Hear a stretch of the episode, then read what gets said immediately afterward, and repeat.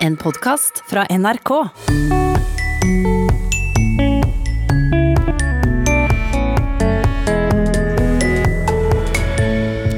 Dialekter oppfattes som noe veldig norsk, og ny forskning viser at innvandrere som snakker dialekt, og oppfattes som mer norske. Om du har en utenlandsk utseendet og snakker en lokal dialekt, så blir du evaluert som mye mer norsk enn om du snakker eh, en Oslo-variant. Og tampen brenner, sier vi. Men hvor kommer det fra? Den uh, forbindelsen har med et uh, hygieneprodukt å gjøre, som vi kjenner igjen også på moderne norsk. Det er rett og slett tampong det er snakk om her. Vel møtt til Språkteigen. Vi skal prate om kropp og språk i dag.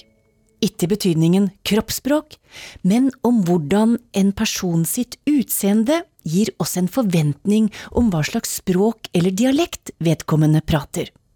Slik du kanskje har sett i TV-reklamen, der vi er i en drosje og sjåføren er en yngre, svart mann. Passasjeren en middelaldrende hvit, og han vil starte en høflig samtale og spør.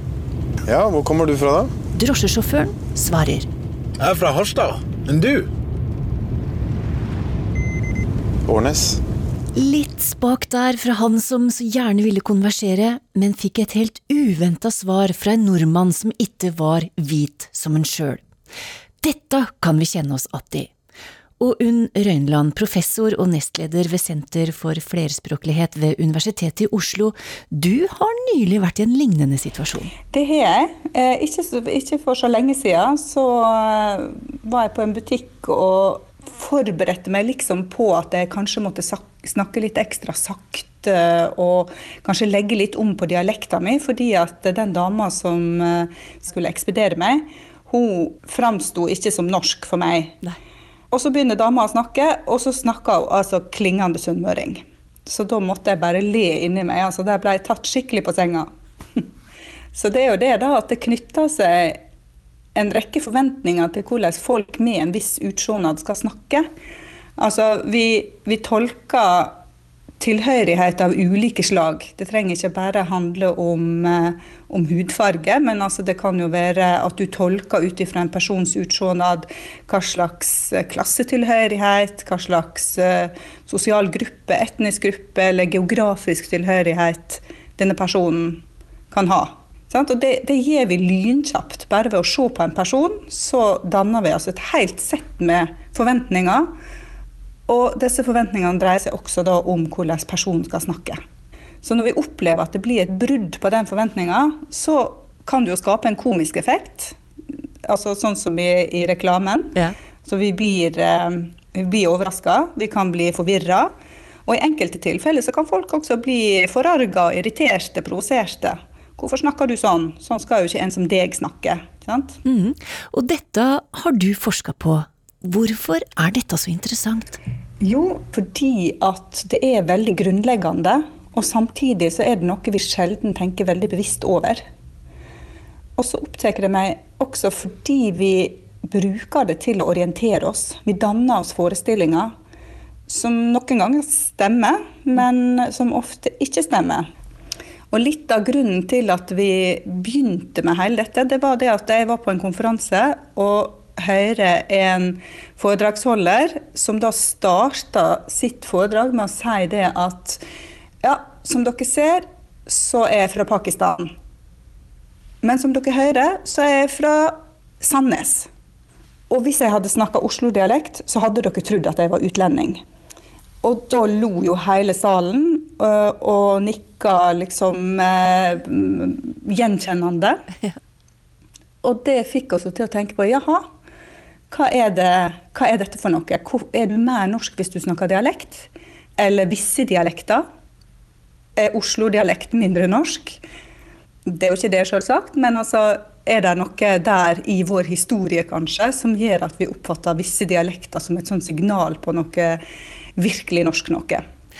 Og når Unn Røyneland sier vi, så viser hun til Bård Uri Jensen. Sammen har de gjort en studie blant 600 norske elever i videregående skole for å finne ut hvordan dem kobler måten noen prater på, til utseendet vedkommende har. Det var ungdommer med mange slags eh, forskjellige bakgrunner. Både elever i byer med innvandrerbakgrunn, ikke-innvandrerbakgrunn, og det samme i mer eh, rurale områder. Ja, og litt kort fortalt lot de ungdommer høre korte lydklipp der forskjellige stemmer på flere dialekter sa den samme setningen. Og så fikk de se forskjellige ansikter som stemmene skulle knyttes til. Og et viktig poeng, Hvert lydklipp ble spilt to ganger, en gang til et ansikt med tradisjonelt norsk utseende, og en gang til et ansikt som var utradisjonelt norsk. Alt dette var blanda sammen, og det var veldig mange lydsnutter de hørte, og veldig mange ulike ansikt de så. Eh, og så hadde de et skjema der de skulle evaluere disse folka langs sånne skalaer. Altså hvor kul, ikke kul er denne personen, hvor eh, smart, ikke smart, osv. Eh, og dette var dimensjoner som dreide seg om både status og hvor attraktiv du så på personen, om dette var noen du kunne bli venner med eller ikke. Og så hadde vi også med hvor, hvor norsk er denne personen, eller hvor utenlandsk er denne personen. Et av funnene til forskere var at ungdommer vurderte stemmene nokså likt uavhengig av hvilket ansikt de så, altså stemmen ble definert som like kul, like smart osv. Overraskende, mener Røynland. Altså, jeg hadde kanskje forventa at det skulle være litt større forskjell. Uh, og det, det, var rett og slett ikke, ikke, noen forskjell i det hele tatt. Og det, det syns jeg var veldig interessant, og også veldig positivt. Og resultatene viser òg at forventningen til stemme og kropp er i endring. Det som vår studie viste veldig tydelig, det er at unge mennesker i både bygd og by i Norge i dag er ganske hva skal jeg si, De er lite overraska over at noen med, eh, med en utenlandsk utsjånad snakker en eh, lokal dialekt. Sånn at eh, her har det tydeligvis skjedd noe. Har de andre forventninger, rett og slett?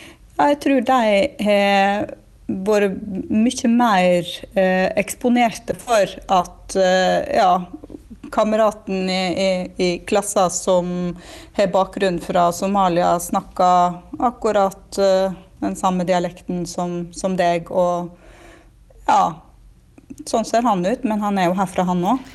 Det kom òg fram at prater du en dialekt utafor Oslo, så oppfattes du som mer norsk, helt uavhengig av hvordan du ser ut. Og særlig gjaldt det for gutter med utenlandsk utseende. Altså, den lille historien jeg fortalte om han som uh, sier at uh, som dere ser, så er jeg fra Pakistan, men som dere hører er fra Sandnes, så var det noe vi fant veldig, veldig tydelig i undersøkelsen. Uh, altså, om du har en utenlandsk utsjånad og snakker en lokal dialekt, så blir du evaluert så mye mer norsk enn om du snakker eh, en Oslo-variant. Sånn at lokal dialekt gir signal om at du har en tilhørighet og er liksom mer norsk enn, hvis du snakker Oslo-dialekt. Og visse dialekter tror jeg nok har potensial nettopp til å, å kunne framstå som sånn urnorske, bonderomantiske, mer enn andre dialekter. Så her er det helt klart forskjell. Og blant de dialektene vi brukte, så var jo altså Valdres-dialekt én. Eh, og vi hadde Hardanger-dialekt. Eh, og disse skåra jo da høyt på norskhetsgraden. Eh, og det var jo en annen ting vi også undersøkte her. Eh, I hva grad eh, mente ungdommene at de som kommer som innvandrere til Norge, bør lære seg, eller ikke bør lære seg, en lokal dialekt. Og det der var det veldig unisont at ja, selvsagt, hvis du flytter til Bergen, så lærer du deg jo bergensk. Hvorfor skulle ikke du det? Så det, det, var ikke slik at, uh, at liksom, dialekt er forbeholdt visse grupper og, og, er noe du ikke kan liksom, tillate, det, eller det er ikke legitimt at du skal lære det hvis du kommer utafra. Sånn er det altså ikke i Norge. Så en stor raushet på at du som eh, flytter inn med et annet utseende enn oss, du hører til med den samme dialekten. I alle fall om du hører til, det er faktisk et litt annet spørsmål. Men, men, i alle fall så er det ingenting i veien for at du kan snakke den lokale dialekten. Eh, hell, det, det, blir oppfatta som veldig positivt, og, og folk eh, blir gjerne oppfatta som mer integrerte eh, hvis, de, hvis, de, lærer seg den lokale måten å snakke på. Dialekt gir deg altså en språklig tilhørighet, men utseendet kan fortsatt være en begrensning for tilhørigheten. Det spørs litt hva som, som veier tyngst i, uh, i folks uh, evaluering. Da. Er det språket som veier tyngst, eller er det utseendet som veier tyngst? Eh, og jeg tror nok at eh, nettopp det at det kan oppstå en sånn dissonans da, som vi snakka om i begynnelsen, altså at du, du høres lokal ut, men du ser ikke lokal ut, så for, for, enkelte folk så OK, du høres lokal ut, du er lokal. For andre så vil kanskje det at du ikke ser lokal ut, eh, være den, den, viktigste dimensjonen. Da vil en altså fortsatt kanskje stille spørsmål ved om denne kroppen her eh, egentlig har eh, er det en legitim måte å snakke på eh, for en sånn en som deg. Og Selv om kanskje det ikke er en reaksjon som er veldig tydelig i i det norske materialet så er det noe vi ser tydelig i, i studier andre del, i andre deler av Europa. Ja, for det er jo gjort lignende undersøkelser i andre europeiske land. Og hva er det som skiller da mellom den norske delen, eh, undersøkelsen, og, og de andre? Ja, eh, nå har ikke disse andre undersøkelsene nødvendigvis brukt de samme metodene. Men vi, eh, sammen med en, en tysk kollega, så fikk vi samla eh, en gruppe med forskere fra ulike deler av Europa som skulle undersøke nettopp dette. Mm. Eh, altså, det vi var interessert i, er både, altså, i hva grad innvandrere i ulike deler av Europa eh, ønska å lære lokale måter å snakke på, hadde mulighet til å lære ble sett på som legitime brukere av lokale måter å snakke på. Eh, og da hadde vi altså undersøkelser fra Finland, Danmark, Nederland, Tyskland, Sveits eh, og Frankrike. Og her ser vi at det er ganske stor variasjon mellom disse landene her. Eh, og Norge skilte seg veldig klart ut ved at her lærer stort sett folk som kommer til landet, lokale dialekter. Eh, det gjør de i mye større grad enn i de andre landene. Mm. Det er det som er normalsituasjonen, det er det som blir forventa. Eh, også i Finland og Sveits eh, så lærer en lokaldialekter, men samtidig så blir det forventa at en skal beherske en standard, ha lært seg en standard. Men i Tyskland og Nederland så var tendensen at lokalt språk er forbeholdt lokale folk. Og at det, dialektene det, det er liksom for for de som har vært her i generasjoner, og ikke for nye som kommer til. Det sa Unn Røyneland, som er professor og nestleder ved Senter for flerspråklighet ved Universitetet i Oslo.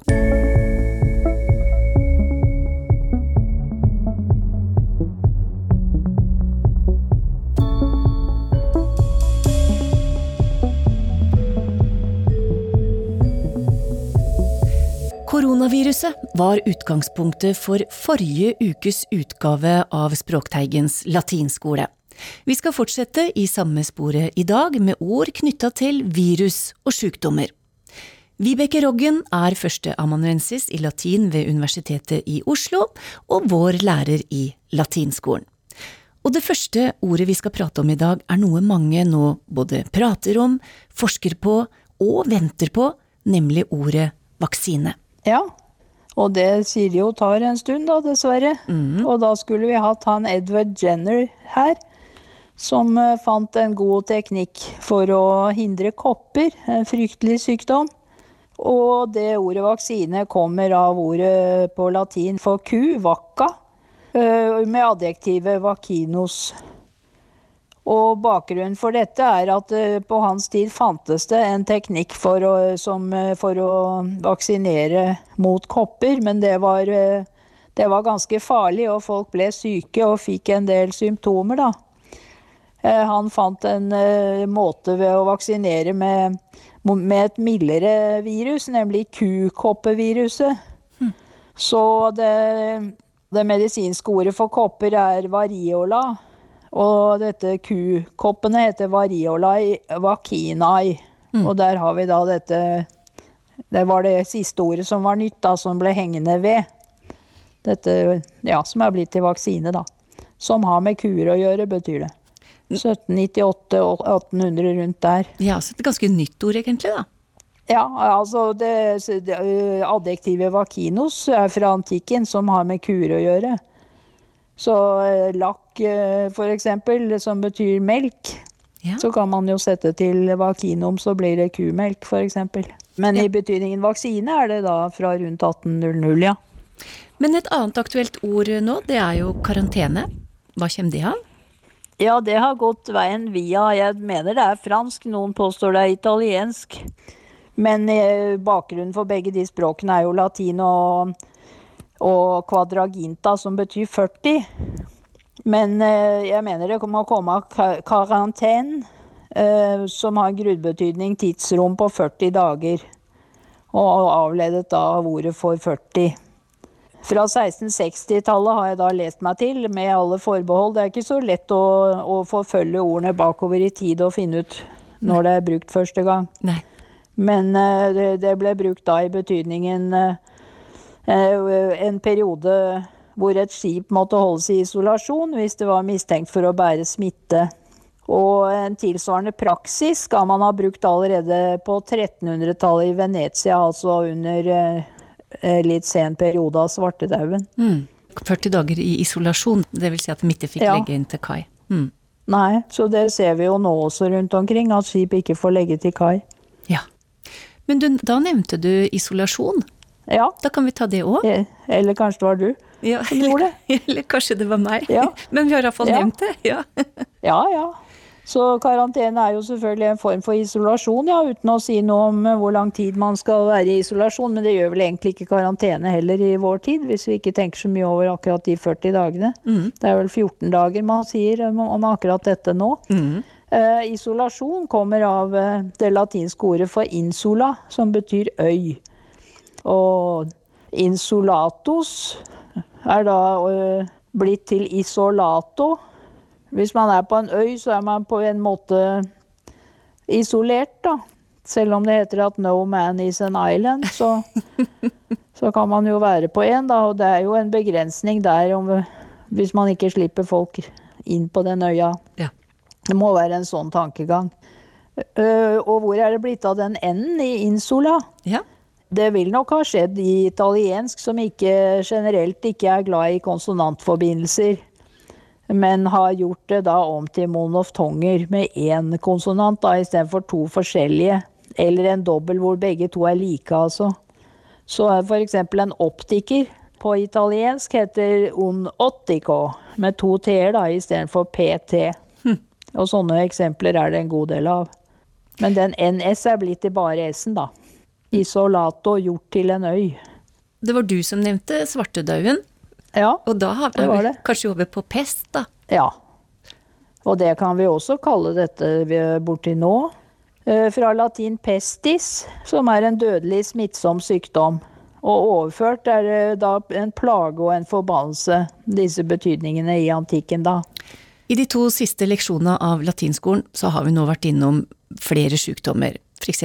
covid-19, sars og nå svartedauden, og vi skal så vidt innom et par til før vi gir oss, og vi starter med den galliske syke. Ja, for det er jo en eh, grei måte å fraskrive seg litt ansvar for disse smittsomme sykdommene, nemlig å skylde på naboen. Ja. Så eh, i Italia på 1400-1500-tallet ble uh, visstnok syfilis kalt for eh, den galliske syke, eller den franske syke, da. Og der fins det da et eh, stort diktverk i tre bøker, som vil si eh, ganske mange vers, da. skrevet av en italiensk lege og professor, Girolamo fra Castoro, som eh, levde fra 1480-tallet til 1553. Han ble professor 19 år gammel. Meget imponerende, altså. Han formulerte en smitteteori på 1500-tallet. Mer enn 300 år før dette ble eh, gjengs eh, oppfatning. Eh, han skrev et verk om smittsomme sykdommer, og beskriver dette som de er fremkalt av mikroskopiske legemer som overføres fra menneske til menneske ved direkte kontakt eller via luft eller klær. Og så skrev han altså denne syfilis sive morbus gallicus. Syfilis, eller den franske sykdom fra 1530. Eh, Et dikt, altså. Et epos, rett og slett. Som, eh, som Iliaden og Odysseen og Eneiden fra antikken, da. Men dette er altså om hvordan eh, sykdommen ble til.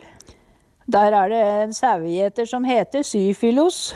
Han blir påført sykdommen som straff for å ha, for å ha fornærmet guden Apollo.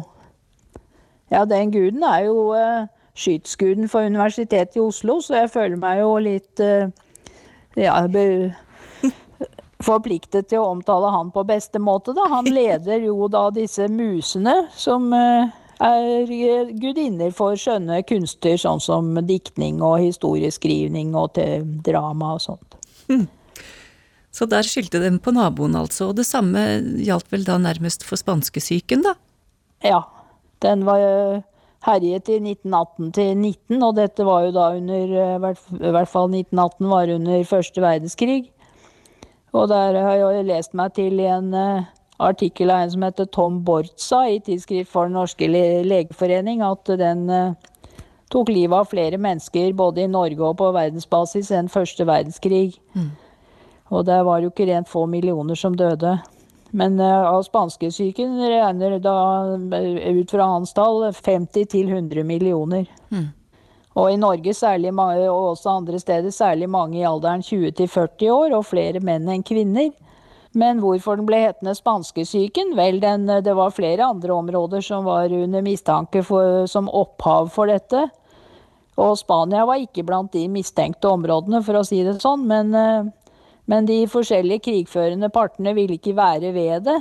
Men Spania var nøytralt.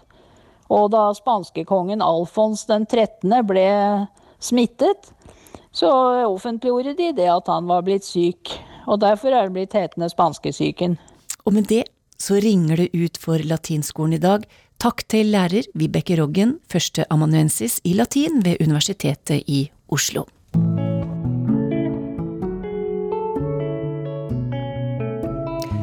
Det er klart for lytterspørsmål, og i dag er Georg Kjøll tilbake for å svare på opprinnelsen til et kjent uttrykk. Det er Vigleig Haga som spør hva slags tamp er det som brenner i Tampen brenner? Ja, her er var et sånt klassisk eksempel eh, på et fast uttrykk som har fått en populær og fin forklaring på opphavet, som eh, man kan finne igjen eh, flere, flere steder, men som jeg tror er, jeg tror er feil. Så jeg har en annen litt mer plausibel forklaring, som vi også kan se på. Men den første forklaringen er at tamp handler om en taustump. Altså at det er enden av et tau eller et rep som ble brukt som eh, i avstraffelse av barn tidligere, på skolen bl.a. Hvor man ga barna slag på baken med den taustumpen, på samme måte som man også kunne bruke ris. Og det er jo ikke helt usannsynlig, for vi ser jo at eh, den type ting har jo funnet veien inn i mange deler av språket, og også i andre fastuttrykk som eh, eh, riset bak speilet, som vi har snakket om før. Men det er i, på vei til liksom tampen brenner, så jeg syns vi faller litt av, eh, hvor det ofte hevdes at enkelte lærere på slutten av skoleåret gjemte denne fryktede tampen, og så, så lot de elevene lete etter den. Og når barna da klarte å finne den til slutt, så tente de på den i et slags eh, renselsesritual. Og så løp barna rundt og ropte 'tampen brenner, tampen brenner'. Og det er en fin historie, men eh, jeg syns det mangler et eh, viktig element i forklaringen. nemlig hvorfor sier man at tampen brenner i det man leter i dag? Hvordan har det liksom kommet inn i leken? Hvis det ikke var en del av det selve leken opprinnelig. Eh, når vi snakker om tampen brenner nå, så er det jo litt sånn at eh, mens du leter, så, så, kan du få hint om at det er varmt eller kaldt, eller er du helt nærme, så brenner den. Ja. Så det rimer, rimer, ikke helt med den opprinnelige historien, egentlig. Så her tror jeg rett og slett vi er på villspor. Så hva tror du, da? Jeg tror at vi må se litt på hva dette uttrykket heter på andre språk. Hvor det finnes. Altså, det er jo en sånn universell greie, egentlig, med det å lete etter ting og det å gjemme seg eller gjemme, gjemme gjenstander. Så vi har det på så godt som alle språk som jeg, uh, som jeg har kunnet finne noe om det på, uh, i ulike varianter. Altså, uh, ofte kalles leken varm eller kald. F.eks. på polsk eller russisk eller gresk. og du har også varianter hvor du snakker om en spesifikk gjenstand. Altså på svensk så snakker man om at det heter 'hjemme av nøkkelen'. Ja. Og det har du også på engelsk med 'hide the key'. Men hvis vi går til fransk, så ser vi at uh, i mange ordbøker, også fra gammelt av, fra 1800-tallet og utover, så er tampen brenner oversatt til cash tampon, som ikke har noe med tamp i taustump å gjøre i det hele tatt. Hva er det, da? Den eh, forbindelsen har ikke med tau, men med et eh, hygieneprodukt å gjøre, Eh, som vi kjenner igjen også på moderne norsk. Oh, ja, sånn det er, det er tampong? Det er rett og slett tampong det er snakk om her. Opprinnelig så, så, så kommer dette av eh, et, eh, at ordet 'ta på' er nasalisert, så du har fått inn den nasale lyden i, i midten der. Og det er igjen hentet fra tappo og gammelhøytysk 'sappo', som betyr propp. Eller ja. kanskje enda tydeligere da, med, på norsk tapp. Mm. Uh, opprinnelig så ble det brukt til å tette igjen bl.a. kanonmunninger, hull i byggverk osv. Og, og så fikk det en litt mer spesifikk bruk til å gjelde stoffbiter, som man kunne stanse blødninger i sår med. Mm. Og da begynner forbindelsen til moderne tampong å bli, bli, relativt klar. Men uh, hvordan dette har endt opp i tampen brenner, er ikke liksom helt uh, er ikke like greit å forklare, men, men, det det ser ut som, da, hvis vi går til litt eldre litteratur og, og ser beskrivelser av denne leken på, på fransk, så ser vi at uh, man ofte lekte dette ved å rulle sammen et tøystykke. F.eks. lommetørkle. Uh, og så gjemmer man det. Og, og i bl.a. en bok om uh, leker for unge jenter fra 1860, skrevet av en som heter Marguerite Dupaquet, så, så, skriver hun at det er her ordet tampong faktisk kommer fra. Da, denne sammenrullede, dette sammenrullede tøystykket mm. som man brukte til å, til å gjemme bort. Eh, så kunne man sitte i ring eh, i noen leker, og så gjemte man det bak ryggen. Og så kunne man gå rundt og, og finne ut hvem det var som hadde det. Mens eh, den som ledet leken, kunne si at man var nærme eller langt fra. Og da brukte man allerede metaforen med varmt og kaldt. Da. Så ja. i denne franske boken så sier man at man kunne si chaud hvis man var veldig nærme. Det betyr varm. Eller tied, altså lunken. Eller froid, altså kald. Og, eller eh, til og med glassy, altså iskaldt, hvis man var virkelig langt uh, unna. Og uh, hvis man var helt nærme, så uh, var det snakk om at da var det at det brant. Det var rett og slett brull. Så, så her er det bokstavelig talt noe som opprinnelig også da, i den franske leken, noe som brant. Um, så jeg tror dette er den beste forklaringen vi egentlig kan finne. og vi ser at det har at tampen brenner brukes også Eller de ordene brukes også på dansk. Så mest sannsynlig har denne leken og navnet på leken kommet fra Frankrike da, via Danmark og, og, til Norge allerede på, på 1800-tallet en gang. Men uh, kanskje også før, fordi vi finner referanser til uh, varianter av leken på, på 1700-tallet. Og i en uh, samtidsroman på 1700-tallet så ble leken omtalt som allerede litt sånn utdatert og gammeldags. Så, så, dette kan fort være et av de liksom aller mest, aller mest uh, forslitte og gamle uttrykkene vi har. Altså. Takk til Georg Kjøll. Har du et uttrykk du lurer på, eller andre språkspørsmål, skriv til Språkteigen teigen krøllalfa nrk.no. Takk for i dag, og ha det bra.